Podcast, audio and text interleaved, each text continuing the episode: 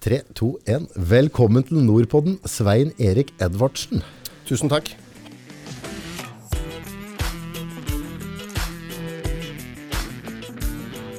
Hamar-gutt Hamar-gutt. av verste sort. Ja, født i Oslo i 1979, men eh, bodde i Hamar alle år etter det, med unntak av de fire siste åra hvor jeg bodde på Kongsvinger. Som vi prata innledningsvis på her. eh, Du er en sånn eh, Det er ikke noe mellomsjikt på deg. Enten så elsker folk deg, eller så hater de deg. Ja, det syns jeg er bra. Eh, Det er liksom som en fotballklubb at hvis du er likegyldig, så er det ikke noe morsomt. Nei.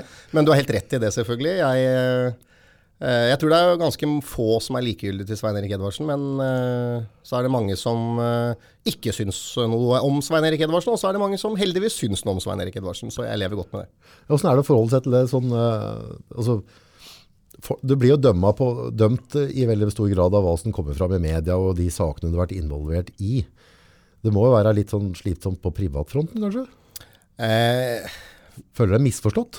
Nei, egentlig ikke. Eh, Men det er klart at jeg begynte å dømme både fotball og ishockey da jeg var 14 år, og det er jo i utgangspunktet et utskjelt yrke.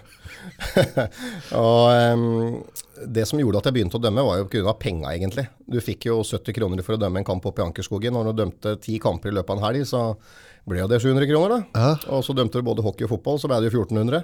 Så det var egentlig penga som gjorde at jeg begynte å, å dømme. Og det er klart at det er et utskjelt yrke, som sagt. Og i tillegg så har jeg jo hatt, eh, og har, profilerte siviljobber i tillegg til det å være dommer. Og det medfører at du får litt sånn dobbel dose. Og om ikke det skulle være nok, så har jeg aldri vært en A4-person, verken utseendemessig eller måten jeg har fremstått på. Og da medfører det jo at du får eh, en del motstandere og en del eh, gode venner. Ja. Det syns jeg er litt eh, altså, det, er, det, er jo veldig spennende da, med sånn type kontraster. Men altså, du var født i 79 i Oslo og flytta opp til Hamar etter hvert.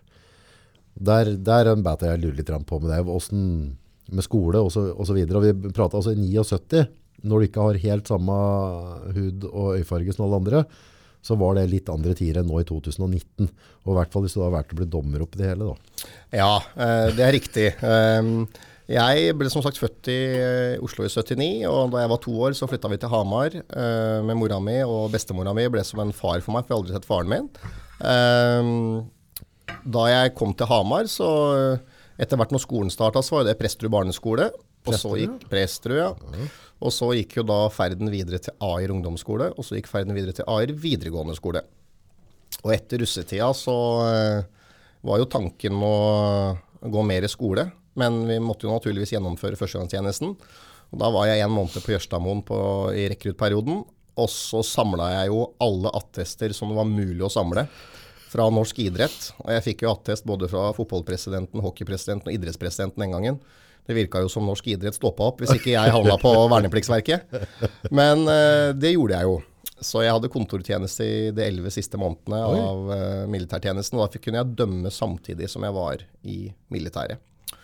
Så da var en av sjefene Reidar Melhus, og han det var ingen som kødda med han da. Det er er ikke så mange som gjør det nå heller, kanskje, men han har jeg fortsatt god dialog med. og Veldig god venn. Og det er klart, uten han så hadde jeg vel ikke fått uh, fyr på dommerkarriera da jeg var 18-19 år. Uh, så det, det er mange som har hjulpet meg på veien, og som har vært veldig viktig for meg. Og det er klart at uh, jeg gjorde det så godt jeg kunne på vernepliktsverket. Jeg sto og arkiverte P-mapper til krampa tok meg. Selv om enkelte andre syntes det var mest ålreit å spille kabal, så gjorde ikke jeg det. Nei. For jeg syntes det var så ålreit å være der. Jeg tenkte at alternativet Edvardsen er Skjold garnison, liksom. Ja, ja, ja. Da er vernepliktsverket veldig greit, altså. Det er det helt kurant. Og så skulle jeg gå mer i skole etter det, da, men øh, sånn ble det ikke. For da fikk jeg fast jobb i Ishockeyforbundet. Så jobba jeg i Ishockeyforbundet i, øh, fra 1999 eh, til 2005, i seks år. Og da jobba du med hva? Da jobba jeg med eh, dommerrekruttering og utvikling, unge dommere. Og så jobba jeg med arrangement og marked, så det var egentlig dommere, marked og arrangement som var jobben min i, i Hockeyforbundet fra Ganske spredt spekter, da. Spredt spekter. Eh, det ble naturligvis spissa seg etter hvert, så jeg var jo dommersjef de to siste åra. Og da jeg var, etter de seks åra i Hockeyforbundet, fra 1999 til 2005, så ble jeg daglig leder i Norsk Topphockey. Mhm. Da var jeg der i 2006, 2007 og 2008. Og da var vi med å Det var ikke bare min fortjeneste, men det var mange som jobba for det. Og da fikk vi på plass den første TV-avtalen med Viasat den gangen, som eh, gikk under brandet Sport-N. Ok. Og så fikk vi også signert en avtale med UPC, som het UPC-ligaen. Og den avtalen den løper den dag i dag, og nå heter det Get, naturligvis. Ja. For UPC bytta navn til Get, da. Ja. Så jeg jobba med ishockey i, eh, fra 1999 til 2008. Og så hadde jeg en liten ryddejobb i Storhamar håndball et års tid. Og så jobba jeg tre år i Manpower. Og så eh, hadde jeg ryddejobb i Storhamar hockey og Lørenskog hockey. Da hadde jeg permisjon i Manpower. Ja. Det var veldig lurt å ha permisjon da, fordi at Storhamar hadde jo 10 millioner i gjeld, som eh, daværende styreleder Erik Kristiansen og, og jeg tok grep om. Ja. Og da den ryddejobben på Hamar var ferdig, så skulle jeg tilbake igjen til Manpower, men da um, ringte Lørenskog. Og i Lørenskog så var det ikke penger som var problemet, der var det administrasjon og ja, alt det administrative rundt det kontraktuelle og det formelle, egentlig. Så, så det var også en hyggelig reise. Og så fikk jeg tilbud om å jobbe i, hockey, i Fotballforbundet. Det var en livslang drøm som gikk i oppfyllelse for meg. Og parallelt med alt dette her, så dømte jeg fotball hele tiden. Og så dømte jeg hockey fram til 2007. Men da jeg ble Fifa-dommer i fotball i 2007 i veldig ung alder, så la jeg opp som hockeydommer, for døgn hadde bare 24 timer. Ja. Og så sivile jobben i Fotballforbundet, det gikk utmerket i eh, både 14, 15 og 16. Og så ble det et helvete i 17, som alle sikkert har fått med seg. Så endte det med at uh, de sparka meg ut, og så saksøkte vi dem. Og så ville de ikke møte Jon Christian Elden og meg i retten, så da betalte de en del penger, som sikkert de fleste har fått med seg i media. Og du skal ha mer nå, skal du ikke? Ja, vi har i hvert fall varsla et søksmål på 7,2.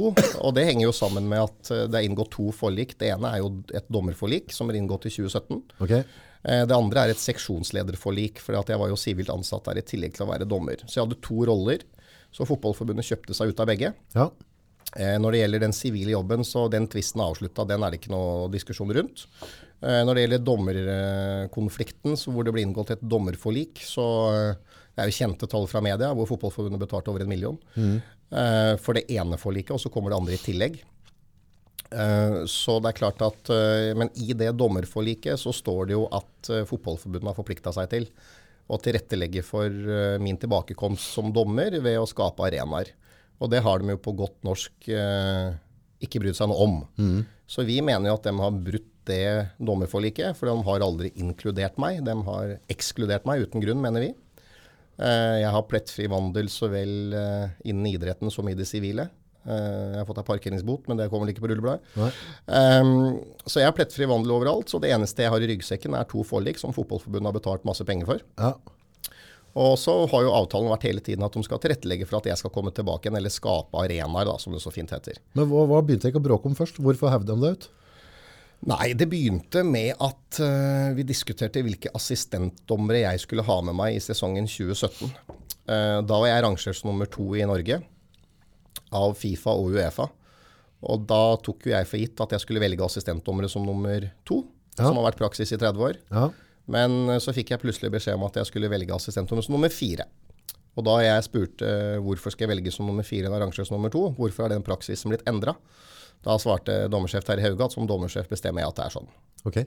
Så jeg syns det var et jævlig dårlig svar. Ja. Eh, Men jeg pusta da ti ganger og gikk ut, og klarte å beholde roen da. Ti eller ni? Nei, tolv kanskje. og så gikk det en uke, og så kom det oversikt over hvem som skulle ha mentorer. For alle Fifa-dommer hadde hver sin mentor som skulle ha ansvaret for å coache og følge opp. da. Og da har Rune Pedersen, eh, tidligere dommersjefen, har vært men, min mentor i 13 år. Og plutselig så var han fjerna. Og da hadde Terje Hauge satt opp seg sjøl som mentor for meg. Og da jeg spurte han eh, hvorfor det var sånn, for jeg visste jo at både Rune og jeg ville fortsette, så svarte han at som dommersjef bestemmer jeg at det er sånn. Og jeg skal følge opp Norges to beste dommere, som er Svein Oddvar Moen og deg. Og da jeg sa jeg det at det er jævlig rart, sa jeg, fordi at i forrige uke så var jeg nummer fire. Ja. Jeg nå er jeg plutselig blitt nummer to igjen, så er det noe som ikke stemmer her. Ja. Og da mente han jeg var kverulerende og var arrogant, og da sa jeg mildt sagt hva jeg mente om han. Ja. ja, for det er du ganske god på. Det er jeg veldig god til. Ja. Eh, og det kommer jeg til å fortsette med resten av livet. Fordi at det er mye bedre å snakke til enn om. Ja. Det er altfor mange, spesielt her på Hedmarken, jeg tipper det er litt sånn i Brumunddal nå, det er i hvert fall det på Hamar og Kongsvinger, at man er mer opptatt av å snakke om og ikke til. Nå har du vurdert en sånn mellomløsning. Altså, Nei. På den lille samtalen vi har hatt, hatt i forkant her nå, så tror jeg altså, du kunne jeg, Ikke at jeg skal være en sånn moralsk preker her, men, men jeg ti- tipper sånn her Hvis du har liksom lagt til Jeg sa jeg skal ikke lage et sånn diplomatskilt på det, for du sier det sånn du mener det. Ja. Og det, det er veldig greit å forholde seg til. Jeg er veldig, veldig glad i de menneskene som har baller nok til å gjøre det. Men noen ganger skal du slippe litt bråk da. Ja. Med å, å, å ta de 100 magadraga, og så tenke kan vi... Men der, sånn er ikke du skrudd sammen. Jo da, jeg har blitt bedre med åra, altså. Jeg har blitt mye mer strategisk og taktisk klok Ja. eh, nå enn jeg var for ti år siden. Ja. Det, det er det ikke tvil om. Eh, men, men når det er sagt, så kommer jeg Altså mine venner, f.eks., som er heldigvis veldig mange. Ja, Jeg er veldig glad i både kameratene mine og venninnene mine, som jeg har god kontakt med. Og høydepunktet er jo hvert år vi har bursdag, hvor det er pølsefest. Og var det 62 stykker der, og det er kjempekult. Men, men det er klart at hvis jeg mener noe om mine venner, så er det ikke sånn at jeg går og sier dette midt i ansiktet, men hvis noen kommer til meg og spør ja. Eh, hva syns du om det, da får de klare og tydelige svar. da. Jeg gidder ikke å pakke inn noe da. Der ligger litt i hver dommer da, å være litt klar. Ja, også, jeg syns den der baksnakkinga som eh, skjer på små steder, jeg syns ikke noe om den. Jeg mener det er mye bedre å si det som det er, til den det gjelder. Ja, Og det er det mange som sliter med på, på små steder. Og så kommer janteloven, og så er det misunnelse, og så er det sjalusi. Og hvis du da i tillegg eh, stikker fram nesa litt, sånn som jeg har gjort i alle år, ja, ja. så er det som vi innleda med, da er det ingen som på en måte blir likegyldig, da. Men jeg lever veldig godt med det. Men det er vel ofte de nærmeste kanskje som bærer litt mer preget av det. Og da det prøver jeg å hensynta på en mye bedre måte enn jeg gjorde før. Ja. Og Før så bare dura du. Ja, Før så kjørte jeg på, men det er klart at når jeg ble far for første gang eh, i januar 2017, så har det endra ganske mye. Veldig. Veldig. Det veit sikkert du også som har to jenter. Og, og det er klart at um, da skal man uh, Da finner man på en måte ut hva som er viktig i livet. Ja. Det betyr ikke at jeg er noe mer diplomatisk av den grunn, men jeg er i hvert fall mer lur da, og mer taktisk. Ja. Eh, for jeg ønsker jo ikke å fremstå på noen som helst måte som gjør at det kan skade noen av mine nærmeste. Nei. Men altså, måten vi er på, det er, det er en vekt med genetikk. Altså, noen på en måte er født litt mer strihåra enn andre. Og så er det veldig mye oppvekst. Og den er jeg litt spent på. Så med tanke på, altså, du vokste opp da uten far, og, og det vet vi at sånn, rent sånn statistisk, det er dårlig butikk for gutter å vokse uten far. Ja. Det kan være veldig greit å ha en farsrolle. Absolutt. Eh, Hvordan, hvordan utløp skoleåra sine? Var, altså, Funka det bra på skolen, og trivdes du der? Ja, jeg gjorde faktisk det. Um, nå skal det jo rett skal være rett. altså Bestemora mi, som dessverre døde i en alder av 94 år nå i mars, hun var Oi. som en farsfigur for meg. Ja. Eh, så jeg har jo vokst opp sammen med mora mi og bestemora mi. De har aldri bodd sammen, naturligvis. Men begge har da bodd på Hamar. ja. Uh, og det er klart at måten de to damene, det ser jeg jo nå, uh, måten de to damene liksom har tatt vare på meg på fra jeg var to år til jeg klarte meg sjøl, dem fortjener jo kongens fortjenestemedalje gull, begge to. Og det er klart at uh, bestemora mi hadde bil og førerkort, og det har mutter'n aldri hatt. Og det er klart at når jeg både spilte fotball og spilte ishockey og dømte fotball og dømte ishockey, så bestemora mi kjørte meg rundt på alt som var. Og mora mi var alltid med og så på, og kjørte meg på spark innimellom, og på sykkel innimellom. Og, så liksom måten de to damene har fulgt opp meg på, er jo helt, helt enestående. Så uten dem så hadde jeg ikke vært i nærheten. Eh, så det, det er i hvert fall helt sikkert. Og så er det jo Idrettsmiljøene på Hamar er helt fantastiske. Både Storhamar og HamKam og Hil fotball. Og, altså det er mange flotte idrettslag der. Og nå kalte vi vel mutter'n for Solrund på kødd, i ref den Hotell Cæsar, hvor det var sånn overbeskyttende. Ja, ja. Det er jo fortsatt sånn at når jeg camper der nå når jeg er på et julebord, så sitter jeg nesten med blåseapparat når jeg kommer hjem og er 40, ikke sant? Ja, ja, ja. Så at jeg har blitt mildt sagt tatt vare på, kanskje litt sånn overbeskytta egentlig. Eh, og da jeg ble 18 og du begynte å smake alkohol for første gang, så likte jeg bedre at vi satt i kjelleren min og drakk, enn at vi var ute, liksom. For da var liksom kontrollen. Så, Men hva er det som vekte terrieren i deg? Altså, altså, du, er, du er jo ikke en labrador, det blir feil hvis du skulle dytte deg inn i hundeverden. Er du sikker? Ja, jeg, føler, ja, jeg føler på en måte du går i noen klinsjer, og du er ikke redd for å gå i klinsjen. Neida. Du er ikke redd for å si meningene dine, Nei, det er riktig. og du bryr deg ikke om folk sier rundt deg, så, sånn terrier er det noe. Men hva er det som har gjort at du har valgt å, å stå i dette der, og så være dommer? Altså for det, når du, du sier at du tjente 70 kroner i kampen, og det ble noen kroner ut av det, men eh, ved et eller annet tidspunkt så måtte du skjønne at liksom, her kan jeg bli like upopulær som bli populær, men dette, nå skal jeg jaggu vise om. Ja. jeg glemte en viktig person i livet mitt i stad, som heter Henry Øberg. Han var jo også som en sånn farsfigur for meg. Han ble jo dommermentoren min da jeg var 14 år, okay. og fulgte meg opp helt til han døde i 2011. Så jeg hadde mange sterke støttespillere rundt meg. Men for å svare på spørsmålet ditt, så er det klart at Eh, når du er dommer, da, så kan du, da må du i hvert fall være sterk og klar, og folk må forstå hva du mener. Altså det frisparket går den retningen, liksom. Eh, gule kortet er der. Altså da må du Det var som Øberg alltid sa til meg, at du må være autoritær, men ikke arrogant. Ja. Det er jo en uh, line å balansere på, naturligvis. Da går det an, da? Ja, han var vel en av de få som klarte det, da, så han mente alle andre skulle klare det òg. Jeg, ikke jeg ikke lykkes alltid med det, det må jeg jo si. Men, eh, men det er klart at eh, da, det er jo et fotballmiljø på toppnivå er jo, det er et røft miljø. Ja. Eh, der gir man klare og tydelige tilbakemeldinger til hverandre, uansett om det er spillere, trenere eller eh, dommere, uten at man skal tippe over og bli en sånn uhøvisk atferd, liksom. Ja. Det er viktig bare å gå på prestasjon og sak. Det spiller ingen rolle om jeg er mørk eller en har store ører eller en har liten nese. Det er ikke det som er poenget. Så, så det har aldri vært noen sånn persontrakassering i idretten så vidt i alle de 20 åra jeg har vært med. Men eh, Men det må jo være et eller annet som har drevet deg for å dreve deg fram dit du er nå i dag. Altså, du, du har jo motor, altså det, det har jeg hørt eh, hvis, eh, hvis kompiser uh, prater om deg, at du setter uh, umenneskelige krav til deg sjøl, og dem som kommer til å være i nærheten av deg. At du stiller veldig beintøffe krav til deg sjøl, men du stiller òg beintøffe krav til dem som jobber sammen med deg. Det er helt riktig. Og det gjelder jo både i det sivile og i, i dommerverden. Det er klart at hvis jeg skal dømme for 70 000 tilskuere, hvis ikke jeg da stiller store krav til meg sjøl og mine assistentdommere og resten av dommerteamet, så da, da er ikke jeg kvalifisert for å dømme der. Da får jeg heller holde på oppe i Ankerskogen på maxiturneringa på Jenter 12, uten Ja. at det er noe negativt med det. Nei, nei, nei. Men, men det er klart at jeg stiller strenge krav til meg sjøl, og jeg stiller strenge krav til de jeg samarbeider med og jobber med. Uten at det er urealistisk. Det er veldig viktig å si. Fordi at eh, jeg tror at når man får tillit, eh, når man blir stilt krav til, så tror jeg at de rette personene da kommer til å levere over evne, og kommer til å være en kommer til å bli beste vennen din resten av livet. Mens Men det er ikke for alle. det er ikke for alle, og da øh, Hvis man Jeg mener ikke at øh, alle trenger ikke å være terrier, for å bruke ditt uttrykk, eller man trenger å være supersterke psykiske. Det er ikke det jeg mener i det hele tatt. Men det er klart at hvis du skal bevege deg på en arena og ta beslutninger hvor det er 70 000 som sitter på tribuna, og det er 350 millioner TV-seere, Ja. da Ja. Det er ikke sånn at du tar det på hælen, liksom. Da, da, må du få vite, da må alle i det dommerteamet vite hvilke forventninger og hvilke krav som stilles til deg før du går ut på den banen. Eh, og jeg er helt sikker på at eh, Jeg skjønner jo nå at eh, selskapet ditt også gjør det veldig veldig bra, og det har jeg både sett og hørt. Derfor er det hyggelig å stille opp også. Og jeg blir jo overraska hvis ikke du stiller krav til de, de, de, dine ansatte. Det er jeg helt sikker på at du gjør. Eh, akkurat som jeg gjør, både i det sivile og når det gjelder å være, være dommer. Uten at det skal være noe frykt. Det er veldig viktig. Det må aldri bli så strenge krav og liksom du blir sett på som farlig. Men hvor går den grensa? Nei, den, Den grensa er altså. den er veldig vanskelig. For det er så personlig. Det er helt riktig, men igjen så tror jeg du gjør da at hvis du setter sammen et godt team, så kjenner du alle såpass godt.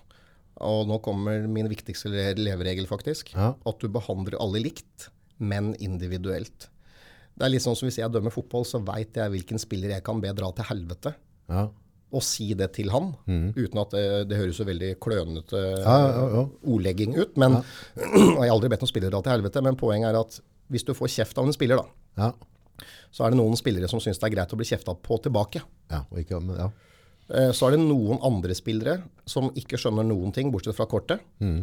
Og så er det den tredje spilleren som uh, snakker om i VG dagen etter at dommeren sa det til meg. Tenk at dommeren kan ikke si sånn til meg. Altså, da, har jeg lyst, da har jeg heldigvis ikke opplevd det. Men, og det er fordi at du blir ganske sånn menneskekjenner, da. At liksom, litt sånn barneskolementalitet. Du må behandle alle likt, men alle har, individu, alle, har individuelle behov. Ja, for noen, du kan jo på en måte, hvis du snakker pent til meg, da, så får du ikke gjort en dritt. Så kanskje jeg er av den typen der som må ha litt tupp i ræva. Ja, ja. Nå skjerp deg, en klovn liksom drar ut og gjør det. Ja. Det er det som må til for at jeg skal gjøre det. Og sånn er jo, dette er jo det som er problemet med, med kommunikasjon. At noen ganger skal du ytre et eller annet til et menneske, og så, så kommer det ikke inn i det hele tatt. Så ytrer du det samme til neste, og så er de støta. Ja, ja da, nei, dette er selvfølgelig kjempevanskelig. Og, men igjen også, behandle alle likt, men individuelt. Det er en læresetning jeg har. Og det andre er at når det gjelder kommunikasjon, som eh, dere er kjempegode på, eh, så er det jo sånn at det er alltid avsenderen av et budskap som har ansvaret for hvordan mottakeren oppfatter det. Ja. Tenker jeg, da. Og da, det er det sånn at hvis jeg sier noe til en assistentdommer, og eh, han blir lei seg pga. det, så er det mitt ansvar. For da er det noe med den kommunikasjonen jeg har hatt, som ikke har vært god nok. Men når det er sagt, så finnes det også enkelte da som rett og slett er for svake til å være med i en prestasjonsgruppe på et så høyt nivå som det er i internasjonal eh, toppfotball. Ja, da er det kanskje greit å få skilt klin fra hvete.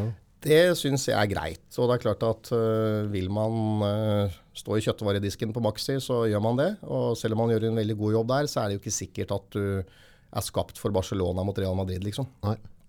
Har du uh, i en sånn stor kamp tatt et dommervalg, og så skjønner du idet du liksom står der med kortet, at her bomma jeg litt, og så bare er det bu. Ja, denne her var litt dodgy, liksom. Denne, denne kunne jeg dømt annerledes. Ja, du får jo en følelse av det uansett åssen avgjørelse det er, liksom. Men det er klart at ja, det verste er jo straffespark, ikke sant. Hvor du blåser et straffespark. Ja, Og da det laget du blåser imot, er jo alltid forbanna. Ja, det så det er ikke noe å bry seg om. nei. Men når det laget som har fått straffesparket, går og ler, liksom, Ja. det er en jævlig følelse, altså. Ja. Altså Hvis du har gitt straffe til lag A, og det laget som får straffa, ha, ha, ha, ha, det er en dårlig følelse som dommer, altså. Ja, det, men da, da er det noe med å snurpe inn mentalt igjen. For det, eh, et normalt skrudd sammen individ da vil jo rettferdiggjøre det med å være litt ok mot det andre laget etterpå. Og da, da er det jo pokker meg i gang. Ja, den, den manesjen må du aldri tråkke inn i som toppdommer, fordi eh, da gjør du to feil istedenfor én. Ja. Og den derre ja, Nå blåste han der i stad, så blåser han der nå, og så er det kompensasjon. Altså det, er, det kan jeg i hvert fall si med 100% sikkerhet, at det er ingen norske toppdommere som tenker at oi, i stad blåste jeg feil, så nå må jeg gjøre feil andre veien nå. Altså, altså sånn er det ikke. Men da, det er en treningssak, for det er veldig sånn menneskelig sak. At, eh, at du prøver å rette litt inn igjen. Ja, og derfor så har alle toppdommere mentale trenere også. Ok? Eh, fordi at det er klart at det ligger jo i bak, en sånn situasjon vil jo ligge i bakhodet ditt. Eh, alt annet vil jo være løgn å si. Eh, og da er vi inne på et annet tema. Det er at hvis jeg tar en avgjørelse i første omgang, Ja. så kommer du under pausa, og så er du usikker, da. Var det riktig ta straffespark jeg blåste, eller var det feil? Og så sjekker du på telefonen din. Du, jeg trenger bare å se én gang på den telefonen, så veit jeg om det var riktig eller feil. Er det ti meldinger, så var det riktig. Er det 150, så var det feil. For da sender alle kjente og ukjente, og det er helt sjukehus. Eh, men med dagens smarttelefoner så sjekker jo jeg klipp i pausa. Så jeg, så jeg veit når jeg begynner andre omgang, om det var riktig avgjørelse eller feil den jeg har tatt. Og da er det, det er opp til dommere om man ønsker det. Noen sjekker ikke i pausa. Jeg sjekka alltid i pausa. Årsaken til det er at jeg ville vite med meg sjøl noe rett eller gærent, så jeg fikk det ut av huet. Ikke for å finne på å kompensere. Nei, nei, men bare. Bare Heng det på knagg. parkert det. Det var ja, helt riktig, for han hengte det på en knagg. Og det var viktig for meg. Og en annen ting som var viktig, var jo også eh, å kunne svare spillere. For jeg skal love deg at spillere og trenere har sett dette klippet i pausa. Ja, ja, ja. Og da var det jo noen ganger jeg sa liksom OK, ja, jeg har sett det i pausa, og du dreit deg ut, Edvardsen. Er en spiller som sier. Så sier jeg jeg har sett det, og beklager, er helt riktig. Men når det er sagt, de fleste tilfellene var tross alt motsatt. Ja. Hvor spillerne kom sa ja, vi har sett i pausa, og det var jo ikke straffe, da. Da var det deilig å kunne si hvilke åssen TV-bilder er du har sett, egentlig. Ja. Jeg har i hvert fall sett uh, TV-bilder fra TV 2, jeg, Ja. i pausa. Og så vidt jeg kan bedømme, så var det straffespark helt riktig. Ja. Og da, det, da var det noen som uh, heva øyenbryna litt. Og har han sett det òg, ja? Ja. Fordi at alle er ute etter å legge et press. Så klart. Og toppfotballen er blitt så kynisk nå, så man tenker på seg sjøl og ingen andre. Ja. Og som dommer da, som er den nøytrale parten der, så jeg tenkte meg sjøl at jeg må faen meg vite om det jeg gjorde i første omgang var riktig eller feil. altså. Ja. Både i forhold til å få parkert det for min egen del og gå videre, og ikke minst kunne svare de som eventuelt prøvde å presse meg med falske påstander. Ja. Råeste kampen du har dømt? Nei, I Norge så er jo det cupfinalen, naturligvis. Eh, I 2011 så dømte jeg Brann Ålesund. Og verken Brann eller Ålesund er jo noe anonyme lag. Hele Oslo var jo oransje og rødt i tre dager. Ja. Og kampen var jo klokka ett da på, i november. En søndag i 2011. Det er klart at når jeg gikk ut på bana der og stelte meg opp, som jeg alltid har gjort, da, med vanlig oppstilling med laga ved siden av deg, og så kommer liksom nasjonalsangen med uh, det her musikkorpset fra Sinsen som alltid har spilt her, så lenge jeg har levd i hvert fall. ja. Og så står du der og ser opp. Det er jo da 26 000, det er jo ikke et sete ledig 26 000? på Ullevål, ja. Oi. 26 000 tilskuere, så det er klart at halvparten er rødt og halvparten er oransje. Og så står du der, og så står du opp og ser der Jeg har aldri vært noe overtuisk og så, men liksom du står, det første du ser, når du hører nasjonalsangen og står der, så skjønner du at ramma her er jo helt sjuk. Og så står du og ser rett fram, og der er liksom fotballpresidenten, statsministeren, kongen, kronprinsen, liksom. Og der står du. Så står jeg utpå der, en liten julenisse fra Hamar på 32 år og skal dømme dette, liksom. Så jeg husker jeg sa på headsetet da, vi har headset når vi dømmer nå, så husker jeg sa på headsetet til linjedommere, han, eller assistentdommerne, Odd Jarle Larsen og Magnus Lundberg fra Ringsaker. Så sa jeg gutter, i dag, når nasjonalsangen var ferdig, så sa jeg på headset, i dag gutter, se rundt dere nå. I dag finner vi ikke på noe nytt, altså. Nei. I dag må ingen snakke om dommeren etter denne kampen her. Nei. Og det gikk, eh, gikk veldig bra. Og ingen snakka om dommeren etter cupfinalen 2011, og det er den største opplevelsen jeg har hatt som eh, dommer i Norge. Når det gjelder internasjonalt, så har jeg fått gleden av å være på alle de store stadionene. Eh, Camp Nou hos Barcelona, Santiago Bernabeu for Real Madrid. Det må være helt kokos. Ja, da blir jo Ullevål stadion en rad, ikke sant. Ja. Når det er 90 000 på Camp Nou, så kan du tenke deg 60 000 på Ullevål stadion. Det var ikke akkurat Det var all verden da, og er det fortsatt. Men, Men når du går inn på et sånt stadion, hvordan funker det? Du flyr jo så klart inn, men hvordan, eh, når, hvor, hvor tidlig kommer det inn? Hvor mange da? For, hvordan, hvordan, er, hvordan er oppsettet? Eh, Uefa har en klar policy på det er en tredagers tripp. da. Så du reiser dagen før. Ja. Eh, og når du lander, så blir du henta av noen dommerverter. Så du blir henta i en sånn privatbil. Limo, eller? Nei, det er stort sett en vanlig varebil. Bra, bra fem-seks seters minibuss. da. Ja, ja. Så det er ikke noe veien med standard, men limo er det ikke. Limo er det ikke. Men det det føler jeg litt på når du henter da. Nja, du slipper å tenke på så mye. Ja. Du blir hentet, Når du går ut av flyplassen, så står det en med skilt der med navnet ditt på. Og Så går du inn i en bil, og så blir du kjørt til hotellet. Og så er det lunsj, og så får du slappe av et par timer. Og så er det innført at du skal trene dagen før kampen på stadion. Ok, så du skal trene på stadion du skal dømme. Ja. Hva er grunnen til det egentlig? Nei, Grunnen er jo for det første å bli kjent med garderoben, bli kjent med omgivelsene, litt på atmosfæren. Selv om atmosfæren naturligvis er annerledes med 0 enn 90 000, da, for å ta Barcelona som eksempel. Men lagene trener der også. Så det er alltid sånn at dagen før dagen så trener først bortelaget, så dommerne, så hjemmelaget. Ok, Så da blir de liksom litt kjent med, kjent med både eh, omgivelsene og gressmatta.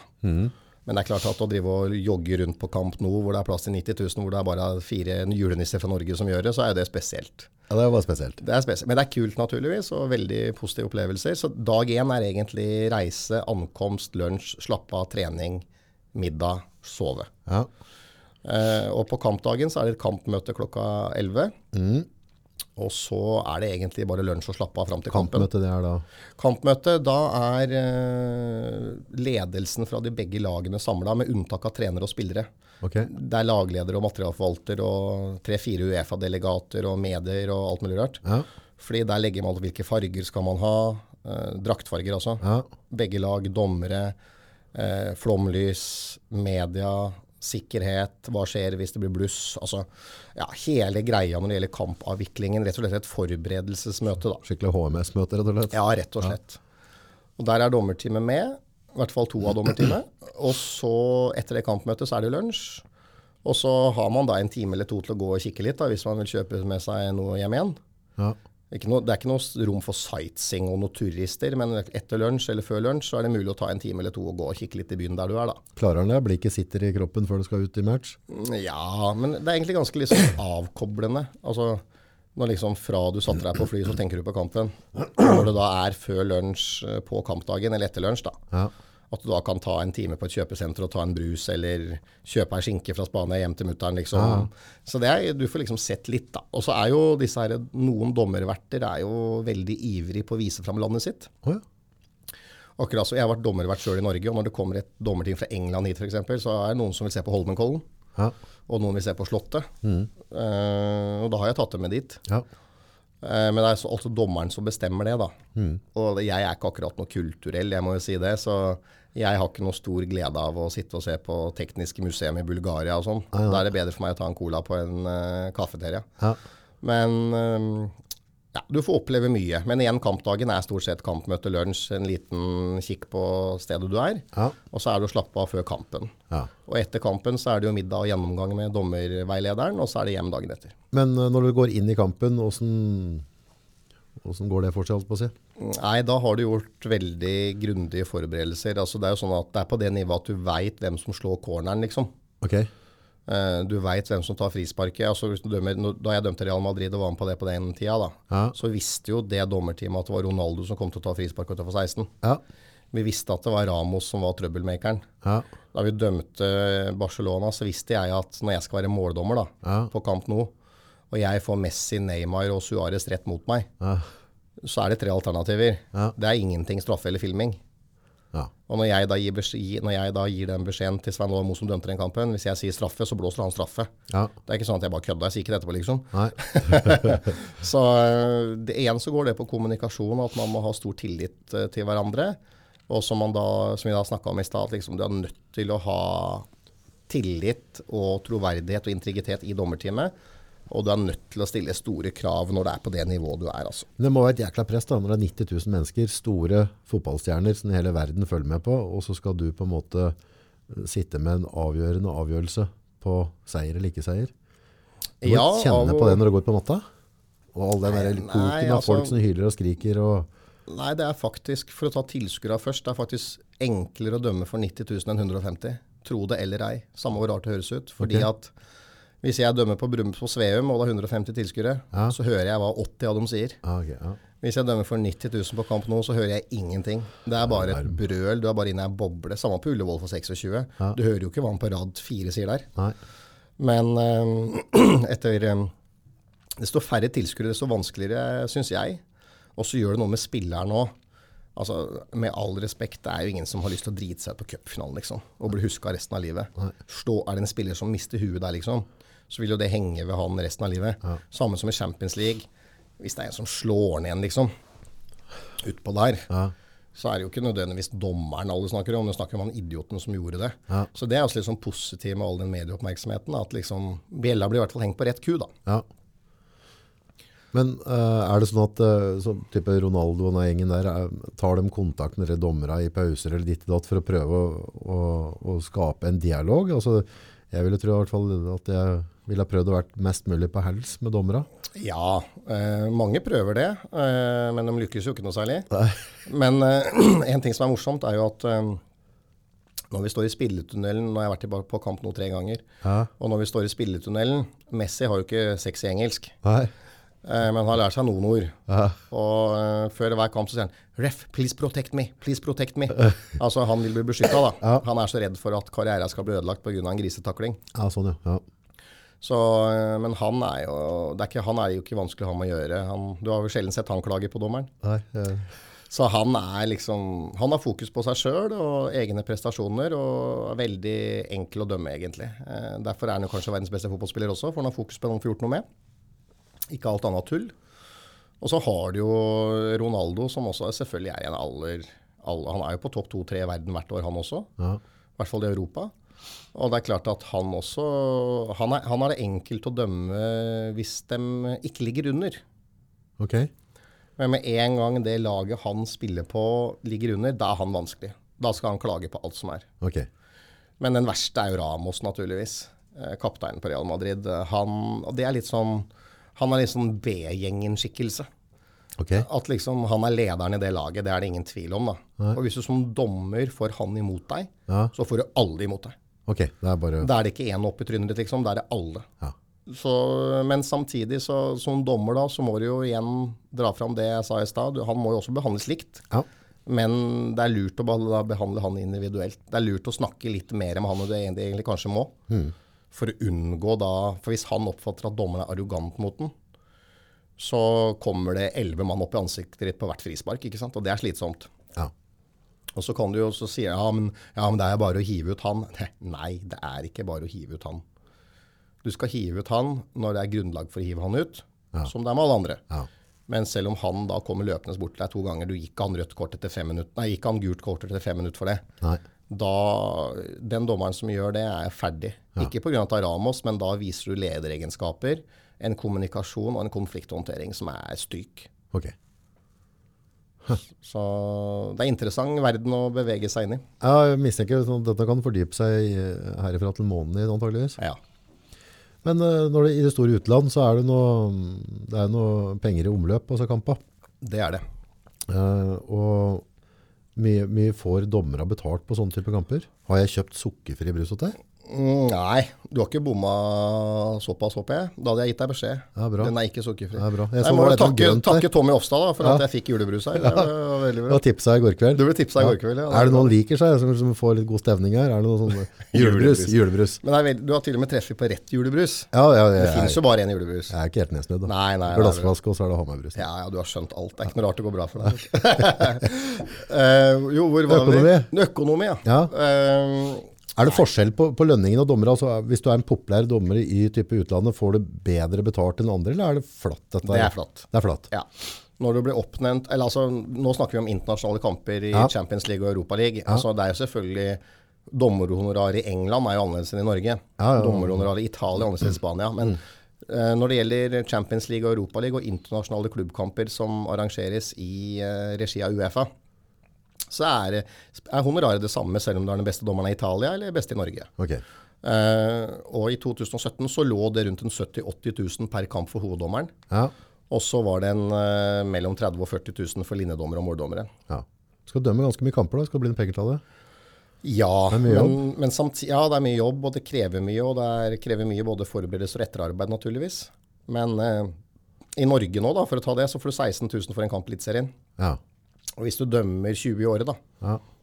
og i tillegg har en sånn frikjøpsavtale, Ja. så jeg tipper at de beste dommerne i Norge tjener en 500 000-600 000. ja.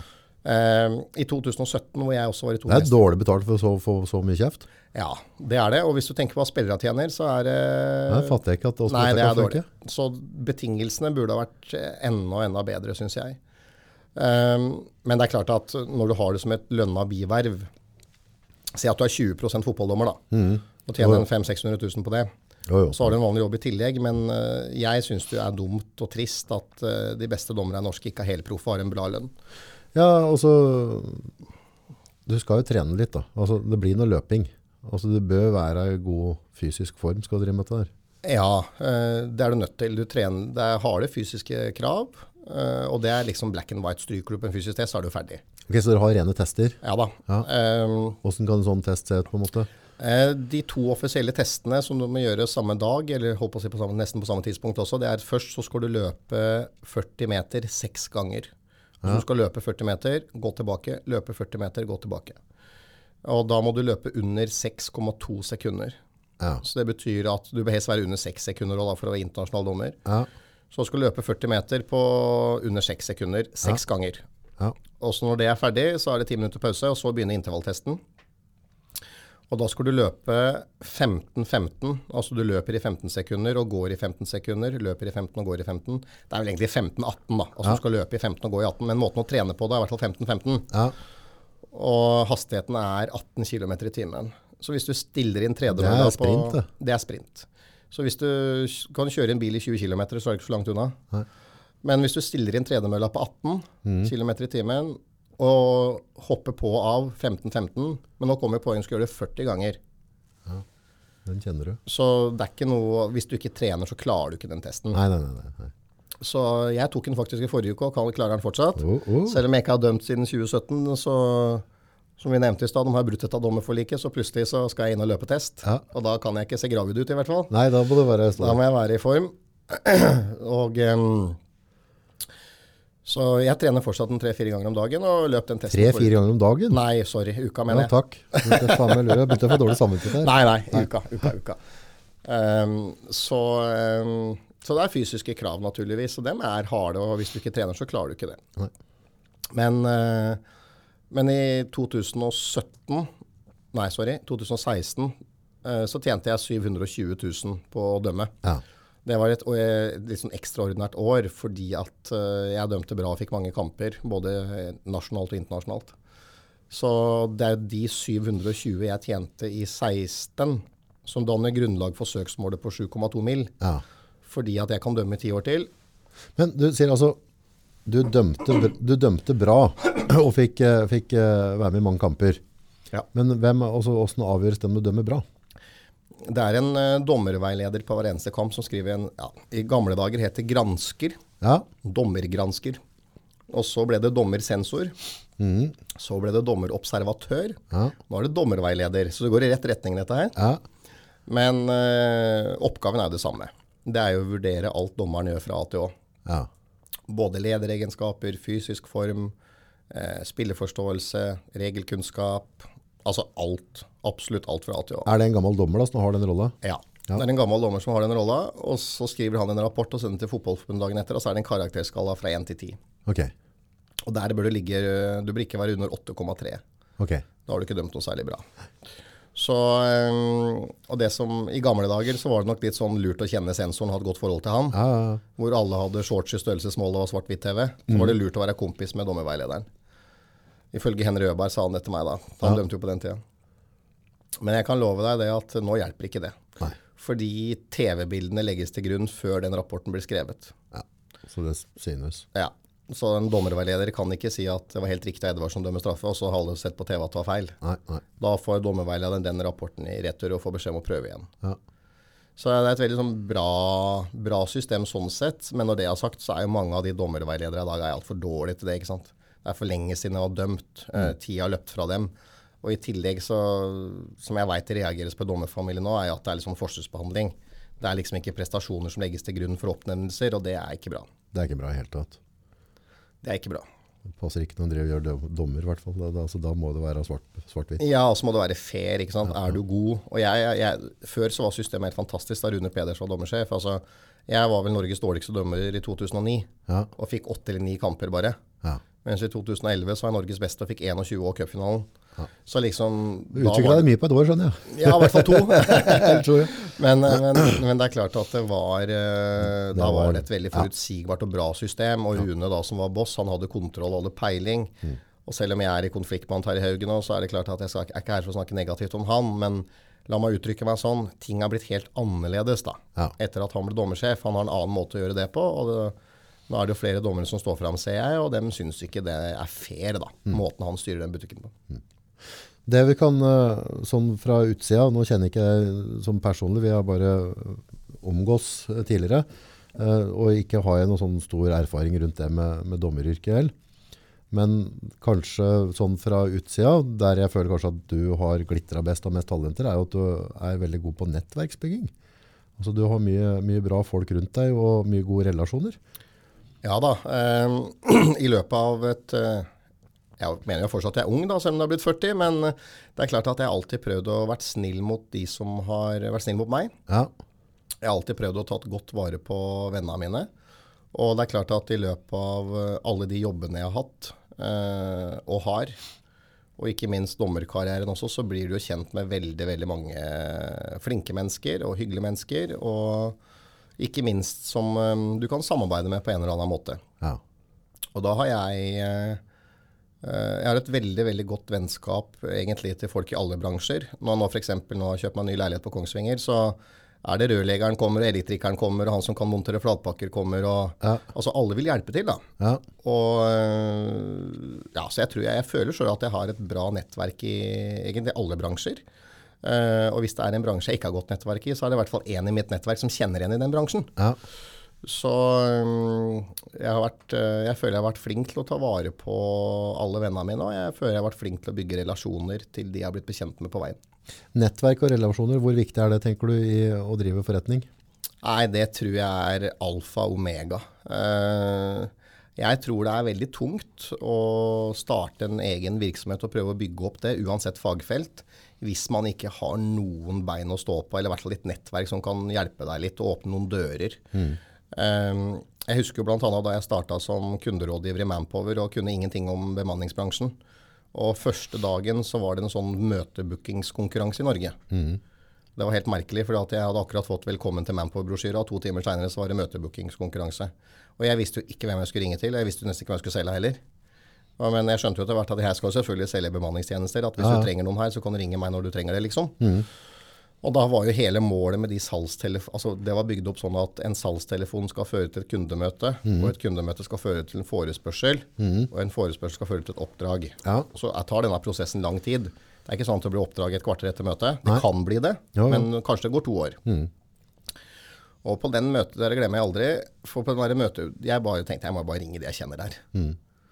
Og mens andre hadde jo forberedt seg flere uker på å lage ringelister og sånn. Men det hadde jeg gjort og det hvis jeg hadde vært ansatt. Men det var som sagt første arbeidsdagen, så jeg rakk jo ikke å begynne med det. Så jeg tenkte jeg må bare begynne å ringe folk, altså. Som jeg kjenner. Og det endte med at jeg vant den møtebookingkonkurransen i Norge. Jeg booka 32 møter. Kult. Og det var jo fordi eh, det var ingen som sa nei til at jeg kunne ta med en kollega og presentere det min nye arbeidsgiver kunne levere. Nei. Og det er klart at nå blei det også både forespørsel og oppdrag av mange av de møtene, men det er klart at de fleste der sa jo ja fordi at de hadde en relasjon til meg. Det var jeg som spurte. Så ærlig må vi jo være. Ja, ja, ja. Um, og det er klart at eh, jeg tror det at når du skal drive forretning i dag, så er man ja, jeg, jeg tror det blir viktigere og viktigere etter hvert som åra går, faktisk. At relasjoner og nettverksbyggingen blir bare bedre og bedre. Fordi uten nettverk og uten relasjoner, så tror jeg det blir blytungt når vi skriver 2020, altså. Fordi eh, den utviklingen eh, i samfunnet, den går i rakettfart. Og hvis du ikke henger med på den, så lykkes du ikke. Og jeg tror heller ikke du klarer å lykkes med den hvis du ikke har gode relasjoner og nettverk til eh, mye folk.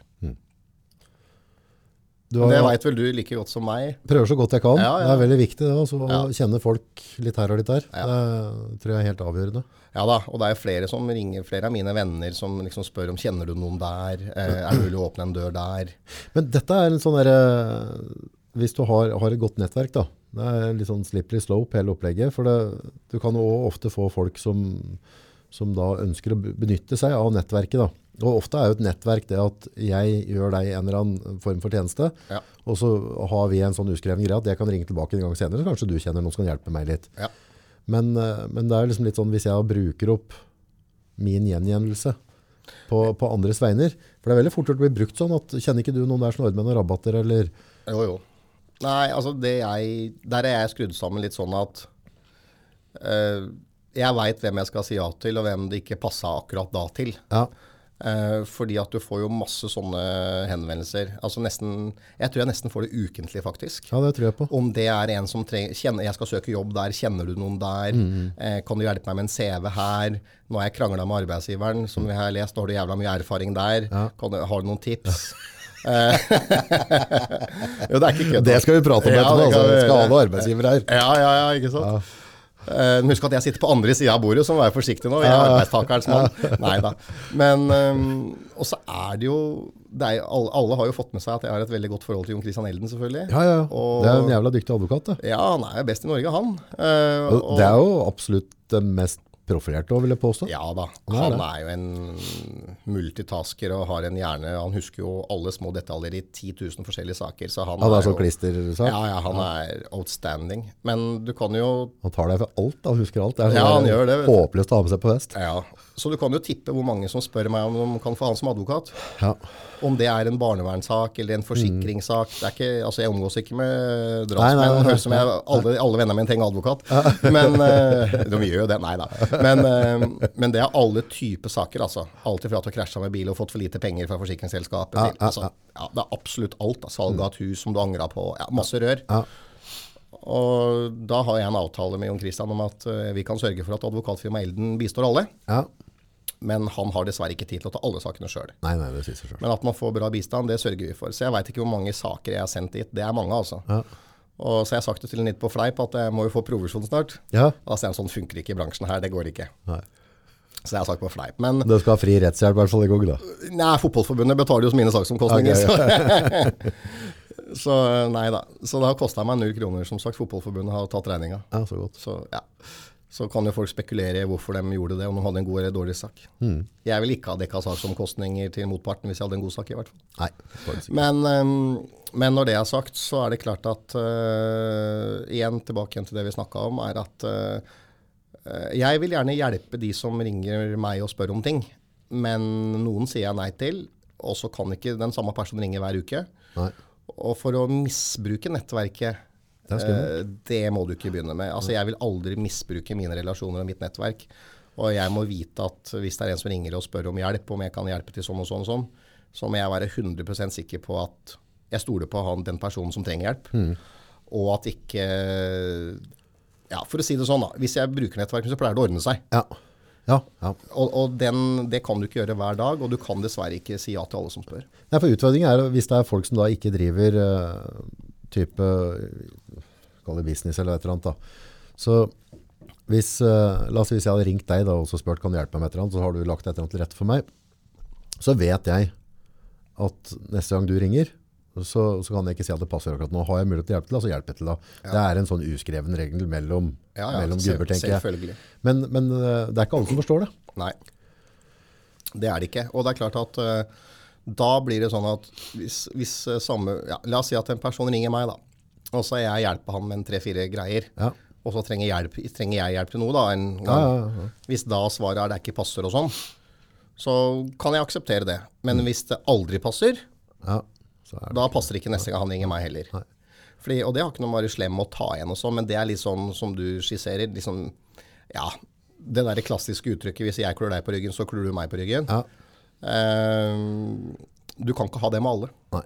Og det er litt viktig så ikke folk misforstår dem som sitter og hører. Dette, dette er jo ikke korrupsjon vi snakker om, dette er bare vanlig kameratskap der folk hjelper hverandre fram. Og det er to Ja, vidt forskjellige ja. ting. Ja, ja, Jeg tror noen kan på en måte si ja, det er jo gutteklubben greier, klør dem på ryggen. Men det er jo bare sånn det er at hvis jeg har bygd opp et nettverk, eh, så gjør jeg det for at jeg ønsker å ha flere kort å spille med. Eh, og da, da er det naturlig å dele med det med de andre som også har et nettverk. da. Ja, ja. Og innen idretten så er det jo masse B2B-virksomhet, og det er jo så langt fra korrupsjon det kan få blitt. Altså Det er jo snakk om at alle tjener på det.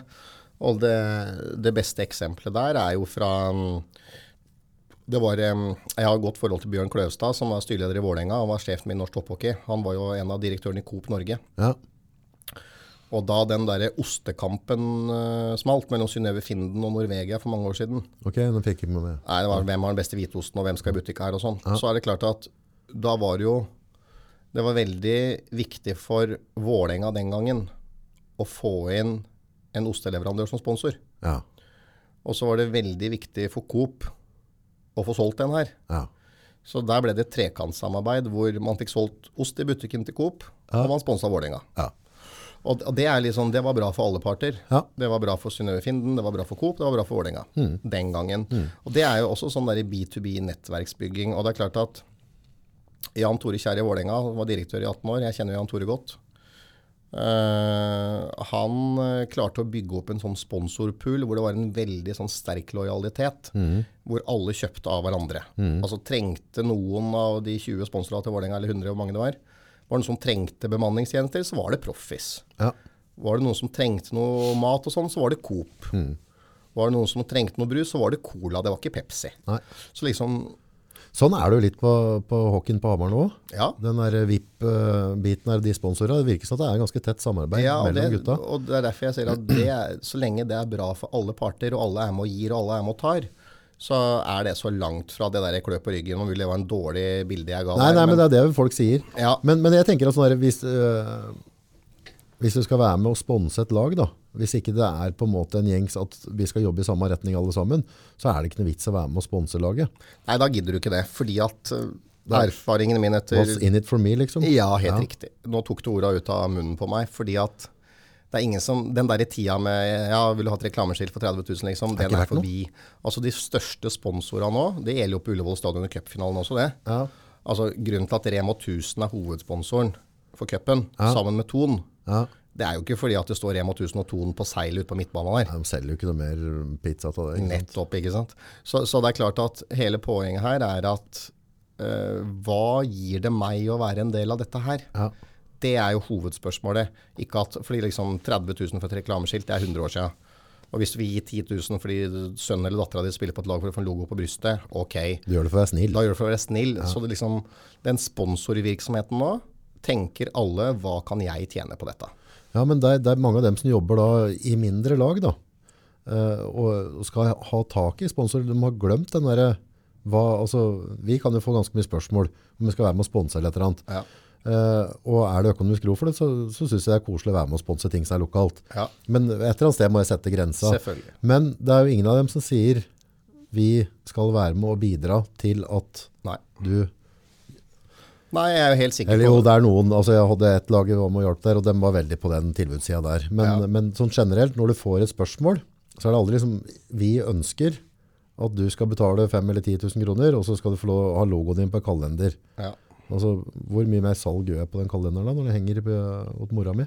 Ingenting, sannsynligvis. Eh, men det er klart at hvis noen sier det at eh, du, hvis du går inn her med 50 000 Mm. Nei, du hadde tenkt å gå inn med 10 du da, ikke sant? Nei, hvis du går inn her med 50, så får du logoen din og sånn og sånn. Mm. Og så i tillegg så blir du en del av B2B-poolen vår.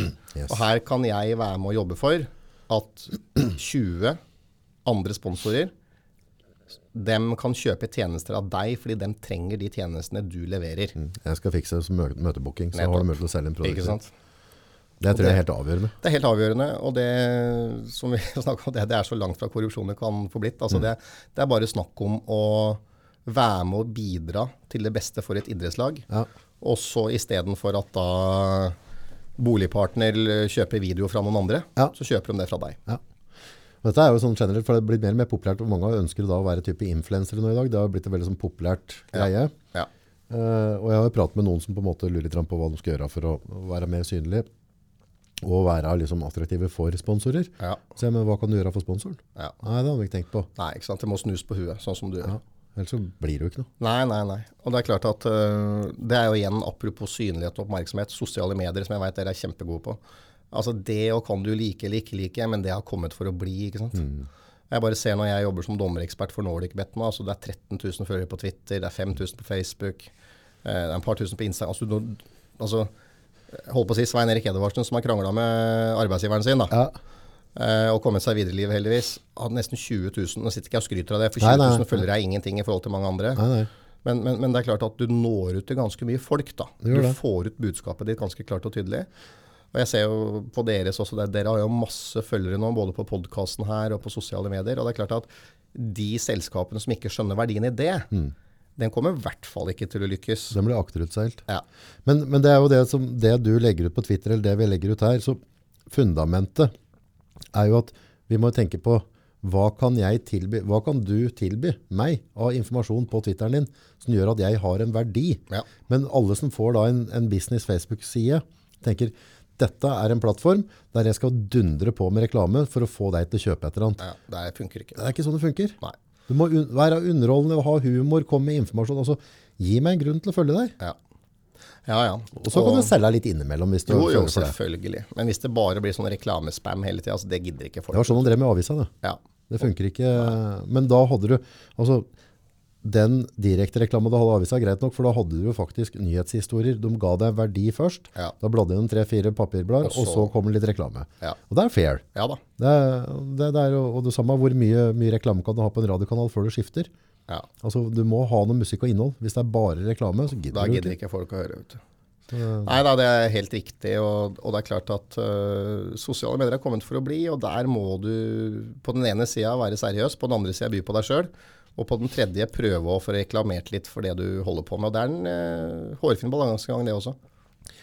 Jeg tenker at sosiale medier er jo eh, julepakke ganger ti Ja. til nettopp sånn som deg, og for så vidt meg. For utgangspunktet nå så er vi ikke så avhengig av eh, media Nei. Og dem syn. Nå, nå kan du faktisk ha din egen Twitter, Ja der du har 20 000 følgere, og, så Ja. kan, og dem som faktisk interesserer seg for det, de, ja. de hører budskapet ditt, uten at noen andre sitter og redigerer den andre retningen. Ja. Nå kan du nå forferdelig mye mennesker selv, hvis du gidder å gjøre jobben. Ja, ja det gjør du. Og den, øh, spesielt den avtalen jeg har med NordicBet nå, er dommerekspert. Jeg poster jo den bloggen hver mandag der, og det er jo også kommenterer jeg liksom Liverpool spiller mot Tottenham, var det straff eller var det ikke straff? Og så går jeg ut med min mening der. Og det har vært veldig sånn blitt veldig godt mottatt. Så bra. Fordi at jeg har jo liksom ikke noe favorittlag, så jeg bare vurderer situasjonen, jeg. Ja. Men NordicBet, nå er jeg jækla dårlig på sport da, men det er en sånn uh, tippeside av noe slag, er det det? Ja, NordicBet er et utenlandsk spillselskap som eies av Betson. Uh, så man har jo ikke lov til å, å holde på i Norge, så lenge spill, Norsk Tipping har jo spillemonopolet. Stemmer, god gamle monopolet. Yes, god gamle monopolet. Uh, men uh, NordicBet er veldig uh, gode på fotball. Eh, både når det gjelder breddefotball, toppfotball, og nå dommer også, da. Så Men folk har- spiller på peng med penger der? Folk kan spille med penger der, men jeg har ikke noe med det å gjøre. Nei. Jeg skriver bare en faglig blogg jeg er ute fra dommeravgjørelser. Og så publiserer det som en vanlig blogg på NordicBets nettside. Ja. Så jeg har ingenting med spillselskap og spill og sånn. Jeg har aldri spilt. Um, så jeg bare leverer faglige blogger, og så publiseres det under navnet NordicBet. Mm. Nå datt jeg tilbake til det gamle mafiatida i USA. Hvis du er dommer og, og du tipper, er det, noe, er det noen uskrevne regler der, eller? Ja, Som dommer så kan du tippe Lotto. That's it. Vikinglotto, da. Nei, men du kan jo selvfølgelig ikke drive og tippe på fotball når du dømmer. Det er helt uaktuelt. Ja. Er, er det klare regler oppe og vedtatt og skrevet? Ja, liksom? ja, ja. Det er etiske retningslinjer for alle fotballdommere, og det står i loven. Og nei, det, det er helt sjanseløst. Vi hadde jo noen spillere her som drev og spilte på egne kamper, og det var ikke noe særlig suksess. Det ble dårlige greier. Det ble dårlige greier. Vi var inne på gamle arbeidsgivere. Ja. Det er jo lett for å blæse litt rundt deg. ja. Eh, eksempel, altså du, du var innom noen av de arbeidsplassene du har hatt tidligere, og du har jo vært i noen type idrettslag og sånne ting. ja. Da er det litt fart, da. Da skjer det litt. Ja, jeg har, vel egentlig, jeg har jo bare vært innom to idrettslag, da. Ok. Og det ene er Storhamar, og det andre var Lørenskog. Ja. Og Storhamar var jo som sagt 10 millioner i gjeld. eh, og da Erik Kristiansen ringte meg og spurte om jeg ble daglig leder, så sa jeg det første jeg må gjøre er å søke permisjon fra Manpower. Ja. For er det jo konkurs i morgen, kanskje. Ja. Og det er sikkert mange Storhamar-supportere som hører på, så det man skal vite, da, altså på den tida, da, så var Altså vi er tilbake i 2012. Mm. Da hadde Storhamar eh, Dragons AS, som var driftsselskapet for eliteklubben den gangen, mm. hadde altså en negativ egenkapital på 10 millioner kroner. Eh, Skyldte kreditorer, rett og slett? Ja. Man skyldte penger. Man skyldte 10 millioner kroner. Og Samtidig så hadde man et sportslig produkt som var dårlig, og tapte bl.a. 7-2 mot Rosenborg i Hamar Olamfi foran 800 tilskuere. Så det var liksom rammene man jobba under. da. Mhm. Og det var også sånn at eh, Cola leverte ikke cola til kiosken før du hadde forhåndsbetalt. Okay, ja. Og bussen kom ikke før du hadde betalt bussreisa før bussen kom. Altså det var på det nivået, da. ja. Det er det tungt å drive, da. Ja, da er det tungt å drive. Og så da kan du heller ikke drive det der, der u, altså, Det hadde ikke vært mulig å drive det uten å styre med jernhånd. da. Nei. Det hadde vært helt umulig. Ja. Så der måtte alle kraner eh, skrus igjen. Og hadde det ikke vært for at eh, Erik Kristiansen, daværende styreleder i Storhamar, fikk et ansvarlig lån fra Hamar kommune på 3 millioner kroner. Så han sto ansvarlig for det? Ja, han sto i bresjen, og det var jo, kommune, eh, var jo hva heter det, kommunestyret som behandla det til slutt. Ja. Men Storhamar fikk da 3 millioner kroner fra Hamar kommune i et ansvarlig lån. Ja. Eh, og hadde ikke de tre millioner Det var jo styrelederen Erik som fiksa de penga den gangen. Ja. Og så var jeg litt med i bakgrunnen, men det var Erik sitt verk og ikke mitt. Nei. Men Storhamar sendte jo da en søknad til Hamar kommune om å få et ansvarlig lån på tre mil. Ja.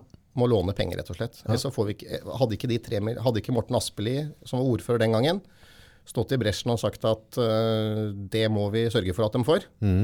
så tror ikke jeg det hadde vært ishockey på Hamar Vest i dag. Det hadde vært helt krise. Det hadde vært helt krise. Det er en veldig stor bit av Hamars hjerte, dette her. Ja da, men allikevel, hadde ikke Morten Aspeli bladd opp eh, tre millioner der, Så så tror ikke jeg Storhamar hadde spilt i dag. Nei. Du hadde i hvert fall ikke klart å gjennomføre sesongen 12-13. Fordi at du hadde ikke hatt penger til eh, brus i kiosken. Du hadde ikke hatt penger til billettsystem. Du hadde ikke hatt penger til at noen skulle kjøre A-laget på bortekamper. Det var helt krise fra A til Å. Og det er det ikke så mange som er klar over. Så Erik Kristiansen og Morten Aspeli, som Erik som sendte søknaden, og ordføreren den gangen som sto i bresjen for at det skulle bli innvilga. Uten de to eh, så hadde det ikke vært spilt ishockey i dag. Det er jeg sikker på. Eller CC Amfi. Hva var det mest upopulære på, i den fasen der? Nei, altså det som var For å ta utfordringene først, da. mm. Disse tre millionene var på plass nesten før jeg kom, så det skal ikke jeg ha noe ære for i det hele tatt. Men min viktigste jobb der var å få med 94 kreditorer på en frivillig gjeldssanering på en dividende på 25% Altså enkelt forklart, eh, hvis vi skyldte noen hundre tusen, så betalte vi 25 okay. Er det OK eller ikke OK? Ja. Så jobben min var da å ringe rundt til 94 kreditorer og spørre om dette her. Og si at du, vi skylder deg penger, men eh, du har to alternativer. Det ene er å slå oss konkurs. Det andre er at du får 25% av det vi skylder deg. Så det var min jobb. Uh, og det var ikke bare å ringe rundt, jeg måtte reise rundt òg. Ja. For halvparten av de man skyldte penger, var jo sponsorer, ikke sant. ja. Så det var jo helt uh, galskap, dette her. Uh, og da mm, Etter den rundreisen så Ble det krydra med noen ekstra plakater i hallen og mer sponsgreier da, for å få det til å rulle? Eller? Nei, egentlig ikke. Fordi at man var jo avhengig av å selge det på nytt, da. Ja. Men fader, hvordan klarte du å krydre inn denne da? Nei, krydre og krydre. Jeg reiste i hvert fall rundt da, og sa det at vi skylder så og så mye. Og alternativet er at dere slår oss konkurs, liksom. Ja, ja. Og så var det jo et argument da som var viktig, og kall det gjerne kynisk, men det var én klubb den gangen. Og det betyr at hvis klubben ble slått konkurs, så røyk yngresavdeling også. Ja. Og et av kravene fra både Norges ishockeyforbund, Idrettsforbundet og Hamar kommune den gangen var jo at vi måtte dele klubben i to. Ja. Så mine hovedoppgaver den gangen var å få, få, få til den gjeldssaneringa. Og de siste som sa ja, var jo Skatt Øst. De skyldte jo dem 850 000 i arbeidsgiveravgift. Bombe. Var jo ikke betalt arbeidsgiveravgift, ikke sant? så det var jo skyldt 850 000 der. Og dem slo de ikke konk? Dem slo de ikke konk. Yes. Det var nok barnekortet som For å si det sånn, hadde det bare vært elitelaget der, Ja, ja. så hadde Skatt Øst bare Det måtte være mange barnekort. Skatt Øst kødder du ikke med, liksom. Nei, den også- er ganske harde. Ja, for det første skal du ikke kødde med Skatt Øst, men for det andre er at det skaper en presedens for dem. Hvis de et, Det vil si Nei, altså hvis Skatt Øst sier til Storhamar ok, det er greit, dere betaler bare 25 dere. Ja, Hva skal du da svare de andre idrettslagene som har samme problem? ja eller meg. Eller deg? Ja. Så jeg veit ikke åssen det gikk. Det høres nesten ut som jeg snakka med han sirkusdirektøren i Agora for å få det til, men eh, vi fikk til det, altså. Vi fikk med alle på en frivillig gjeldssanering. Og da betalte vi 2,5 millioner og kvitta oss med 10. Heftig. Så jeg må, uten med fare for å bli høy og mørk, så kan vi jo si såpass at hadde det ikke vært for Erik Kristiansen sin søknad til kommunestyret, og at kommunestyret med Morten Aspli som ordfører i spissen sørga for at det kom tre millioner, og hadde ikke den gjeldssaneringen blitt vellykka, så hadde ikke Storhamar spilt i dag. Nei. Det er jeg rimelig sikker på. Måtte du ta en del andre upopulære avgjørelser underveis der på Ja, altså min tid i Storhamar var egentlig helt konfliktfri. Eh, Blikk, Det er masse frivillighet og følelser og, og følelser for laget. Ja, men eh, jeg skjønte Altså når det gjelder de frivillige, da. Altså uten frivilligheten så stopper eh, norsk idrett. Ja, ja. Det, og det er en sånn floskel, men det er helt fakta. Ja. Og i Storhamar så er det mange fantastiske frivillige. Vi var nesten 80 stykker den gangen. Eh, og, be, og måten da man skal liksom behandle de frivillige på, det, er en, det tror jeg er den vanskeligste balansegangen som finnes i norsk idrett. Det er vanskeligere enn å dømme straffespark på kamp nå. Ja. Eh, det er Du må på en måte stille krav til de frivillige også. Men du må ikke stille for strenge krav, for da gidder de ikke å være der. Nei, det sier seg sjøl. Det Det blir du gidder ikke å jæklig for bruke- urettferdig, altså. Ja, Du gidder ikke å bruke fritida di på å få kjeft, liksom. Nei. Men samtidig så må man jo forstå at det er noen retningslinjer og regler som gjelder her. Ja. Det er greit du tar en frivillig jobb, men her er liksom beskrivelsen på oppgavene, da. Ja. For eksempel. Ja. Og der gjorde jo jeg et skup da jeg ansatte Vibeke Holseth.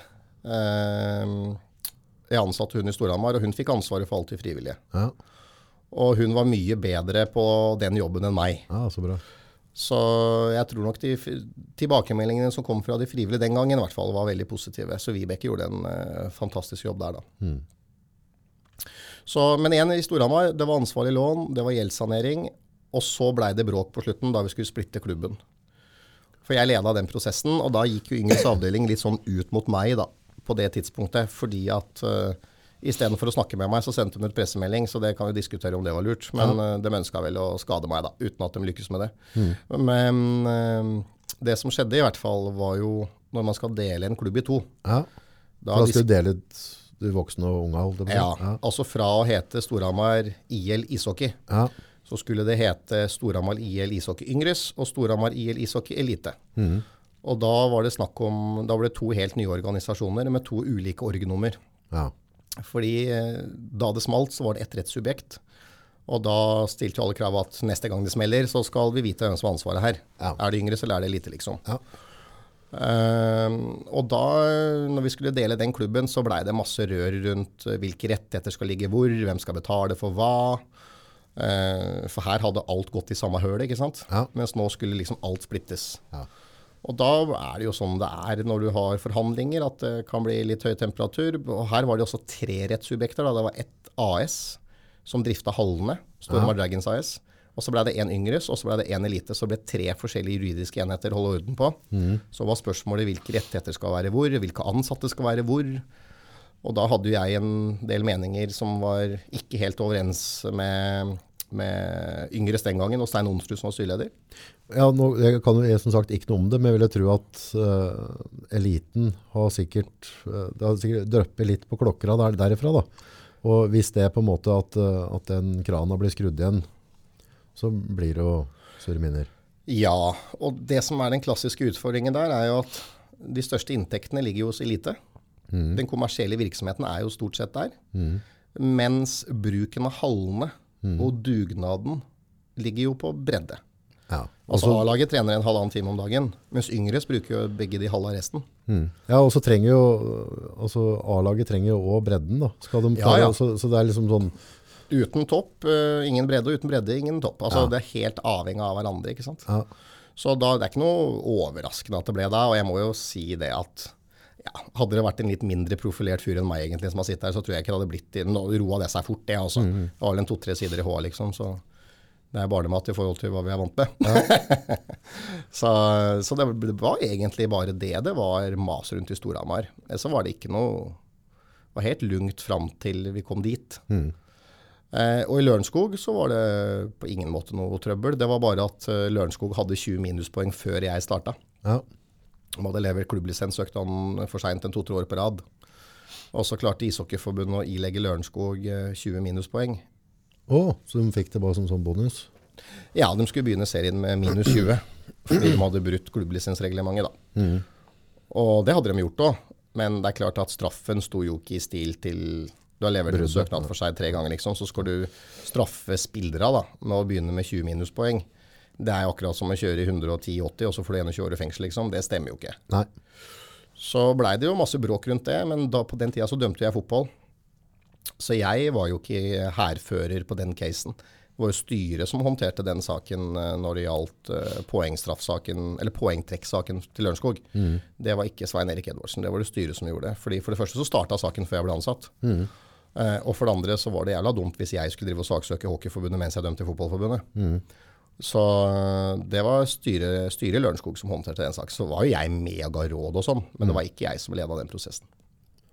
Men der gjorde du noe litt spreke ansettelser, gjorde du ikke? Jo, eh, litt sånn som vi har snakka om, eh, at man eh, kanskje blir sånn forhåndsdømt. Jeg var- som innleda hele poden med, at liksom, det er ingen som er likegyldig til meg, og det syns jeg er helt greit. Det må alle gjerne fortsette med. Det lever jeg godt med. Jeg har gjort det i 25 år og klarer 25 til. Det er bare fint. Men eh, jeg ansatte Tom Nordli Ja. i Lørenskog. Og det var en merkelig opplevelse, fordi jeg hadde vel vært ansatt et kvarter sjøl, og så skulle vi ansette en markedssjef. Og så lyste jeg ut den, og så var det søknadsfrist på 14 dager da. Så kom det en del søkere, og så hadde jeg noen intervjuer, og så fant jeg ut at jeg skal ansette Tom Nordli. Han var ikke fotballtrener da. Det er noen hissigpropp, ikke sant? Ja, de som har sett den på TV og sett den har sparka i bøtte en gang i 2005, de syns vel at den er en hissigpropp. Men jeg kjente jo Tom fordi at jeg var dommer og han var trener. Jeg kjente jo ikke han øh, på noen måte utover det. Nei. Eh, Så jeg kjente ikke mannen i det hele tatt. Eh, Men eh, jeg møtte ganske sterk motstand internt i Lørenskog da jeg sa jeg skulle ansette Tom Nordli. Det var det mange som protesterte på. Og så var det en person som hadde litt makt i klubben, som sa du kan ikke ansette han, han er jo helt gæren. Og så sa jeg at når snakka du med han sist? Da ble det helt stille. Så sa jeg du har ikke snakka med han kanskje? Aldri snakka med han i livet ditt, men du sier at han er gæren. Men du har aldri snakka med han, altså. Nei.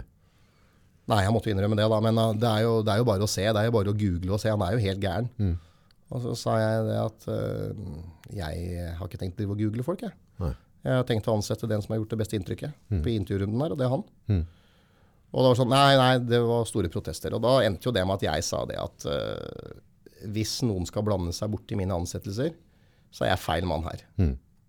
Styret ansetter meg, jeg ansetter administrasjon. Mm. Uh, men hvis dere ikke vil ha meg som daglig leder, så er det greit. Mm. Da slutter vi nå. Mm. Men ikke begynne å diktere hvem jeg skal ansette, som skal jobbe for meg, sammen med meg. Mm. Dere ansetter daglig leder, jeg ansetter resten. Og etter eh, så sa jeg også det at jeg får gå ut her nå. Jeg går ut av det rommet nå i ti minutter. Når jeg kommer tilbake igjen, så får dere enten si at jeg ikke skal jobbe her, eller så får dere si at jeg gjør som jeg vil med administrasjonen. Og da kom jeg igjen, så fikk jeg beskjed om at du har full tillit, du gjør som du vil, men det er ditt ansvar hvis det går til helvete. Så sa jeg ingen problem, det kommer du ikke til å gjøre. Så da ga jeg Tom Nordli en seksmånedersavtale. Han fakturerte, og gjorde en fantastisk jobb i Lørenskog og solgte veldig bra. Og han slutta etter et halvt år fordi at han hadde en klausul i sin avtale at han kunne gå på dagen hvis han fikk et fotballtilbud, og det fikk han da. Da fikk han tilbud som fotballtrener. Så da slutta han. Så um, det der er- det irriterer meg veldig at folk skal drive og forhåndsdømme folk. Jeg veit jeg blir det sjøl av mange. Og de som prater mest dritt, og de som forhåndsdømmer mest, det er de som aldri har snakka med meg. Og samme, ta, Derfor er det Tom Nordli-eksempelet veldig bra. For meg så var det sånn at når alle sa ikke ansett han, ikke ansett, han skal jeg ansette. Altså. Han skal jeg ansette. Og For jeg tenkte Som leder òg, da. Så han var mye flinkere enn meg på enkelte områder. Og så var jeg flinkere enn han på andre. altså Vi har jo forskjellige egenskaper. Men det er klart at uh, hvis ja, han er en sterk person, og han er gæren også, ja, vet du hva? Jeg oppfatter aldri noen som trussel. Jeg, I en sånn sammenheng så oppfatter jeg det som en ressurs. Ja. Så etter min oppfatning, se på Petter Stordalen. Han ansetter bare folk som er flinkere enn seg i ledende stillinger. Ja. Fordi han oppfatter det som ressurser istedenfor trusler. Ja. Og det er altfor mange feige ledere som bare ansetter folk som ikke liksom kan utfordre deg sjøl. Og det er en stor svakhet, syns jeg. Eh, er du en god leder, så må du tørre å ansette flinke folk rundt deg. Kanskje folk som er flinkere enn deg. Og så må man ikke bedrive med den der forhåndsdømminga. Altså, 'Jeg har lest om han i avisa, altså han er sikkert sånn.' Og, altså Folk blir så påvirka av det mediebildet.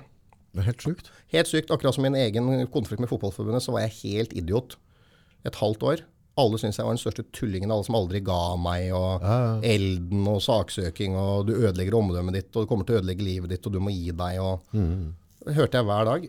Og så gikk det da 14 måneder. Da var du helt konge. Da var det forlik og Fotballforbundet hadde betalt. Da var du helt konge. Ingen var så sterk som meg i verden. Og, Ja, så liksom det er helt syke mekanismer. Akkurat det samme som i 2009, hvor jeg var Norges dårligste dommer. Det var ikke så mange venner da som støtta meg. Altså min nærmeste gjør alltid det, men liksom de du veit hvem er og sånn. Men to år etterpå, da, hvor det er Norges beste dommer, så er det 83 som spør om du kan få billett til cupfinalen. Ja. Hvor var de 83 for to år siden? Hvor de da kanskje burde ha ringt og spurt hvordan det står til. Så liksom, man skal øh, Men det er en sånn veldig menneskelig ting. Det er altså Jeg tror, tror folk eh, finner en forferdelig trygghet i å vite hvor de har folk hen. Og hvis de er litt usikre, og de må tenke nei, du er en drittsekk, så, så er det altså Jeg tror det er en jævlig menneskelig ting. Og, og rett og slett bare å dømme folk. Han skal passe seg sjøl på dagbasis, at han ikke, at ikke havner i den derre For jeg, jeg vet nå at garantert kan det være folk som sitter og hører på podkasten, eller kanskje velger å ikke høre den. Så jeg kan da fader ikke dra inn den der tullingen der, liksom. Han er jo en kranglebikkje uten like. Ja. Men jeg vet, hadde de sittet i rommet her sammen med meg og deg nå, ja. så hadde de sittet igjen med akkurat samme inntrykk av deg som jeg sitter nå. Og det er en alene positivt. Ja, det er hyggelig å høre. Og, men, og det er klart at, øh, men, men igjen, da. Det blir jo sånn på små steder. Men det som i hvert fall irriterer meg, er at man liksom skal prøve å ødelegge for noen. Altså, jeg kommer meg videre i livet. Jeg, jeg har det jo bedre nå, jeg, med mine oppdrag, enn øh, jeg hadde jobba i Fotballforbundet. Jeg tjener mer òg, så har ikke- ikke noe med det å gjøre. Men, men poenget er at folk som La oss si da at hvis jeg som jeg som en leder, da, skal, skal jeg ansette han, eller skal jeg ansette henne? Ja. Og hvis jeg da ringer noen, fordi at verden funker jo ikke sånn at du ringer offisielle referanser lenger. Nei, nei, nei. Det er ingen som setter opp dårlige referanser på CV-en sin. Så du ringer jo de som ikke står der. Mm. Det er jo sånn jobbmarkedet funker. Og hvis det da er noen da som sier nei, hun er helt gæren, hun kan du ikke ansette, hun gjør sånn og sånn og sånn. Og så er det faktisk ikke sant, Mm. det som blir sagt til meg. Så kan det ende med i verste fall at jeg velger en annen enn til den jobben enn Mm. hun som egentlig burde ha fått den, på grunn av falske påstander. Mm. Og, og det er ikke fair, altså. Og det, jeg tror vi aldri kommer det til livs. Men man må i hvert fall ikke snakke negativt om folk fordi at man har en eller annen agenda, eller man har hørt, eller man tror. Man må i hvert fall være veldig sikker. Når folk ringer meg og spør om har du en referanse på han eller han, så sier jeg akkurat det jeg mener, både positivt og negativt. Men jeg sier jo ikke noe som ikke er sant. Nei, nei, nei.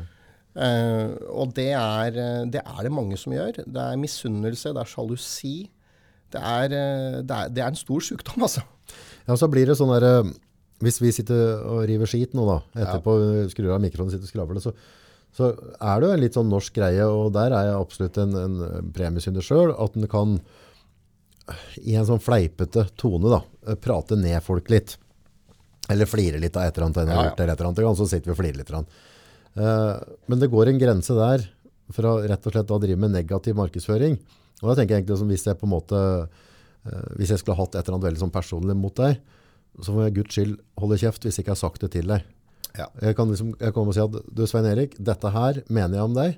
Det kommer jeg også til å si hvis noen spør meg en referanse på det. Da hadde jeg svart det har jeg full respekt for, og det er jeg veldig glad for du sa det til meg først. Ja. Og da er det fair. Det er veldig fair. Ellers så kan du ikke si det egentlig. Nei, og derfor jeg sa det innledningsvis. Du må snakke til og ikke om. Ja. I hvert fall før du snakker om. Ja. Altså, man kan, men det som òg Det er dessverre mange som opptrer eh, så jævlig ilojalt som liksom Og det har jeg gjennomskua mange. Ja, Liksom hvor jeg snakker med en person, så står han og slikker meg opp etter ryggen. Ja, ja, ja. Og så når han snakker med neste person, han Edvardsen er en jævla idiot, liksom. Så, så, så liksom, det er liksom det verste. Jeg vil gjerne at folk kommer til meg og sier hva man syns, jeg. Det har jeg full respekt for. Ja, da, da, da gir det mulighet til å svare tilbake igjen, så det kanskje for stort sett ved konflikter så er det manko på kommunikasjon, at vi har misforstått, altså hvis ikke du er liksom Adolf Hitler, da, Ja, bare tvert gjennom vond. Ja, ja. Men, eh, men det er jo en utfordring nå på sosiale medier, kanskje blitt litt bedre de siste årene der, synes jeg, men ikke minst i nyhetsbildet, Ja. der det sitter journalister og skriver en veldig spissa artikkel, ja.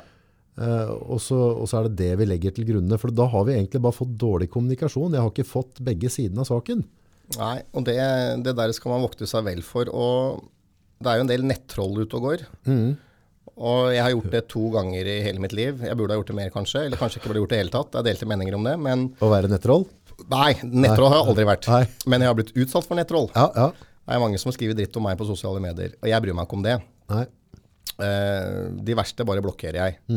Og eh, jeg kan liksom ikke ha, ha fokus på det. Og jeg følger jo med. Og når de som når liksom de største kritikere mister jobber og går konkurs og sånn, så ja, da tenker jeg mitt, uten å harselere med det. Men, men, men det er klart at uh, når jeg ser ja, Det var spesielt to personer som jeg så skrev jævla mye dritt om meg. Jeg fikk mange tips om det. Jeg, for jeg leser alle disse kommentarfeltene i HA, VG og sånn. Dem leser jeg aldri. Men så tenkte jeg at nei, det var noen som syntes det var så ille en par stykker hadde skrevet da. Så gikk jeg inn og leste det. Så gikk jeg inn på Facebook-profilen til disse to gutta. Så tok jeg profilbildene deres. Så tenkte jeg, skal jeg oute disse her nå? Skal jeg smelle ut dette til 20 000 og vise hvem disse nettrollene er? Ja. Og jeg gjorde det. Men det gikk jo noen sekunder før det ble ramaskrik, ikke sant? Ja, Politianmeldelse og alt. Altså. nei da, nei da, nei da. Jeg bare skrev at uh, ha, denne personen her er, og så skrev jeg navnet til vedkommende. Ja. Og så skrev jeg at han hadde skrevet dritt om meg i tre år, jeg aldri hadde hilst på han. Ja. Her er noe den har skrevet. Skjermbilder. Ja. Nei, så end, dette endte jo med Det var en fra en i området her, og så var det en i Oslo-området. Så er det to stykker jeg har tatt. Begge to snakker jeg med nå. Så bra. Begge to må jeg møte og ta en øl sammen med. Ja, så kult. Så dette løste seg på en veldig veldig god måte. Og de hadde for så vidt gode forklaringer på hvorfor de gjorde det som de gjorde.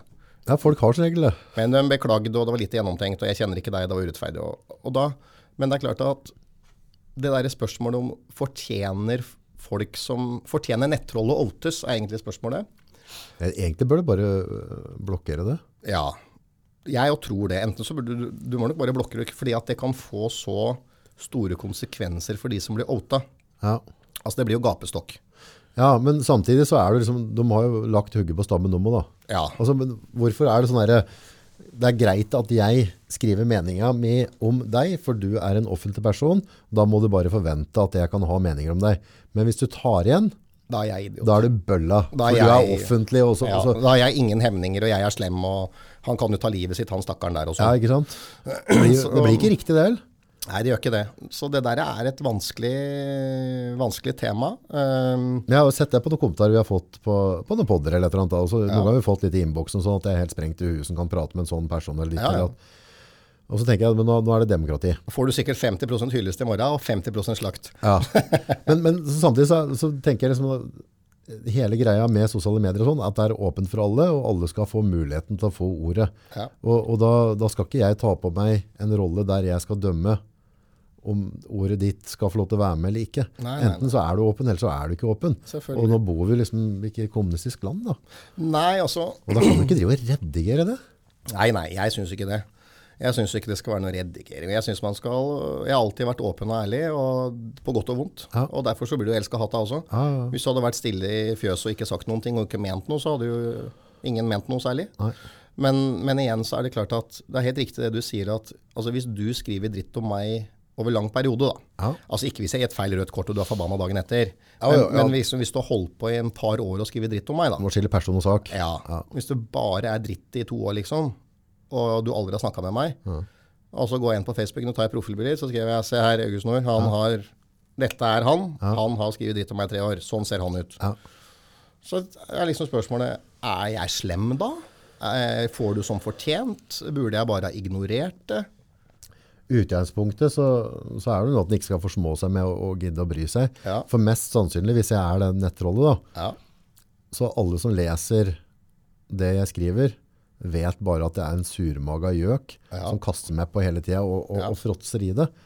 Men det store spørsmålet er jo hva er det i meg og deg, for vi alle har det i oss, hva er det i oss som gjør at at det er så lett å hate?